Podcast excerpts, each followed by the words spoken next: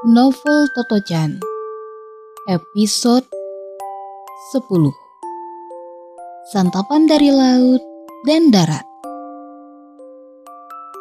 Sekarang tiba waktunya untuk sesuatu dari laut dan sesuatu dari pegunungan. Jam makan siang yang sudah dinanti-nantikan Totocan dengan tak sabar. Kepala sekolah menggunakan ungkapan itu untuk menggambarkan makanan yang seimbang. Jenis makanan yang dia harapkan dibawa murid-murid untuk makan siang sebagai pelengkap nasi. Bukannya berkata, latihlah anak-anak untuk makan apa saja. Atau, tolong pastikan mereka membawa bekal makan siang yang gizinya seimbang. Kepala sekolah malah meminta para orang tua untuk mengisi kotak bekal makan siang putra-putri mereka dengan sesuatu dari laut dan sesuatu dari pegunungan. Sesuatu dari laut artinya makanan dari laut, seperti ikan dan suku dani. Udang kecil atau sejenisnya yang direbus dengan kecap dan sake manis. Sementara sesuatu dari pegunungan berarti makanan dari daratan seperti sayuran, daging sapi, daging babi, dan daging ayam. Mama sangat terkesan dengan cara ini dan berpendapat bahwa sangat sedikit kepala sekolah yang mampu menetapkan aturan makan sepenting itu secara sederhana.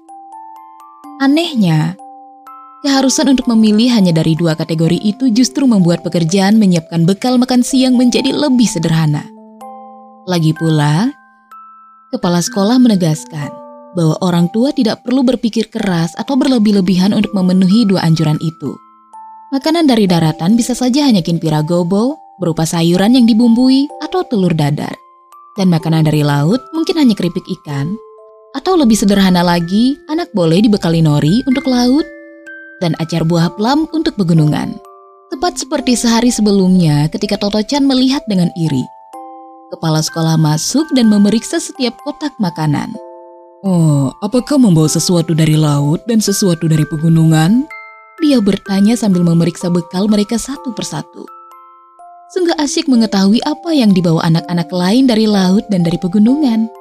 Terkadang seorang ibu terlalu sibuk dan anaknya hanya membawa sesuatu dari pegunungan atau hanya sesuatu dari laut. Tapi tak apa. Sementara kepala sekolah memeriksa bekal murid-murid, istrinya mengikutinya. Wanita itu mengenakan celemek putih dan memegang dua wajan di kedua tangannya. Jika kepala sekolah berhenti di depan salah satu murid dan berkata, "Laut," istrinya akan menyendok dua cikua dari wajan laut. Dan jika kepala sekolah berkata, "Pegunungan," maka akan dikeluarkan beberapa potong kentang tumis kecap dari wajan pegunungan. Tak ada yang berpikir untuk berkata, Aku tak suka bakso ikan. Atau berpikir alangkah enaknya bekal si Anu. Atau betapa payahnya bekal yang selalu dibawa si Anu. Satu-satunya yang dipikirkan anak-anak adalah apakah mereka sudah memenuhi kedua anjuran itu, laut dan pegunungan, dengan sebaik-baiknya dan jika sudah, mereka akan merasa puas dan senang. Setelah mengerti apa yang dimaksud dengan sesuatu dari laut dan sesuatu dari pegunungan, Toto-chan ragu-ragu apakah bekal yang tergesa-gesa disiapkan mama tadi pagi cukup memenuhi syarat. Tapi ketika membuka kotak bekalnya, dia melihat bekal makan siang yang lengkap dan sedap. Toto-chan pun tak dapat menahan diri untuk berseru. Wah, sedap-sedap! Bekal makan siang Toto-chan terdiri atas telur orak-arik berwarna kuning cerah, buncis rebus, denbu coklat, dan seiris daging ikan kot warna merah jambu.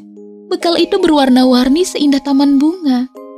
Cantik sekali, kata kepala sekolah. Chan senang sekali. Mamaku pandai masak, katanya. Hmm, aku yakin mamamu pasti pandai memasak, kata kepala sekolah. Kemudian dia menunjuk Denbu. Nah, apa ini? Ini dari laut atau dari pegunungan? Toto-chan memandang Denbu itu. Tak tahu mana yang benar. Warnanya seperti warna tanah. Jadi mungkin dari pegunungan, tapi dia tidak yakin. Oh, aku tidak tahu. Kemudian kepala sekolah bicara kepada semua murid. Dari mana asalnya Denbu? Dari laut atau dari pegunungan? Suasana hening. Anak-anak berpikir keras. Tiba-tiba seorang anak berseru. Pegunungan! Yang lain berseru. Laut! Tapi kelihatannya seorang pun tahu pasti. Hmm, baiklah, akan kujelaskan. kata kepala sekolah. Denbu berasal dari laut. Kenapa? Tanya seorang anak laki-laki gendut. Berdiri di tengah lingkaran meja-meja, kepala sekolah menjelaskan. Denbu dibuat dari daging ikan rebus yang dibuang tulangnya. Dibakar sebentar, ditumbuk halus, lalu dibumbui dan dikeringkan. Oh, Seru anak-anak. Mereka sangat terkesan.